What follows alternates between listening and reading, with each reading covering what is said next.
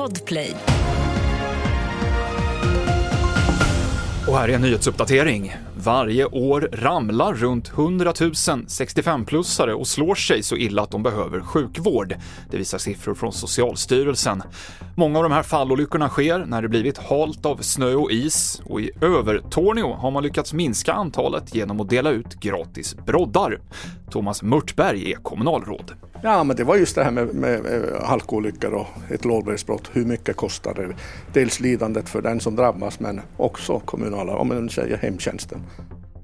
Tre svenskar återfinns på det europeiska polissamarbetet Europols lista över Europas mest eftersökta personer. Det rör sig om två män, 27 och 33 år gamla, och en 31-årig kvinna. Och de är alla internationellt efterlysta av Sverige för narkotikabrott. 33-åringen klassas även som farlig av Europol. Och i Indien fortsätter arbetet för att nå de över 40 byggnadsarbetare som i nio dagar varit instängda i en rasad tunnel efter ett jordskred. Enda kontakten med de instängda männen är via ett långt smalt rör där man bland annat skickat ner kikärtor och popcorn. TV4-nyheterna med Mikael Klintevall.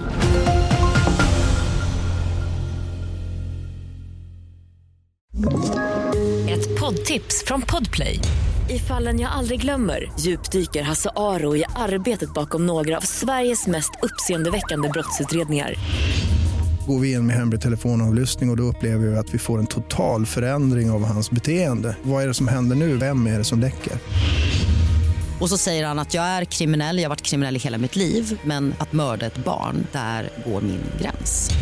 Nya säsongen av Fallen jag aldrig glömmer på Podplay.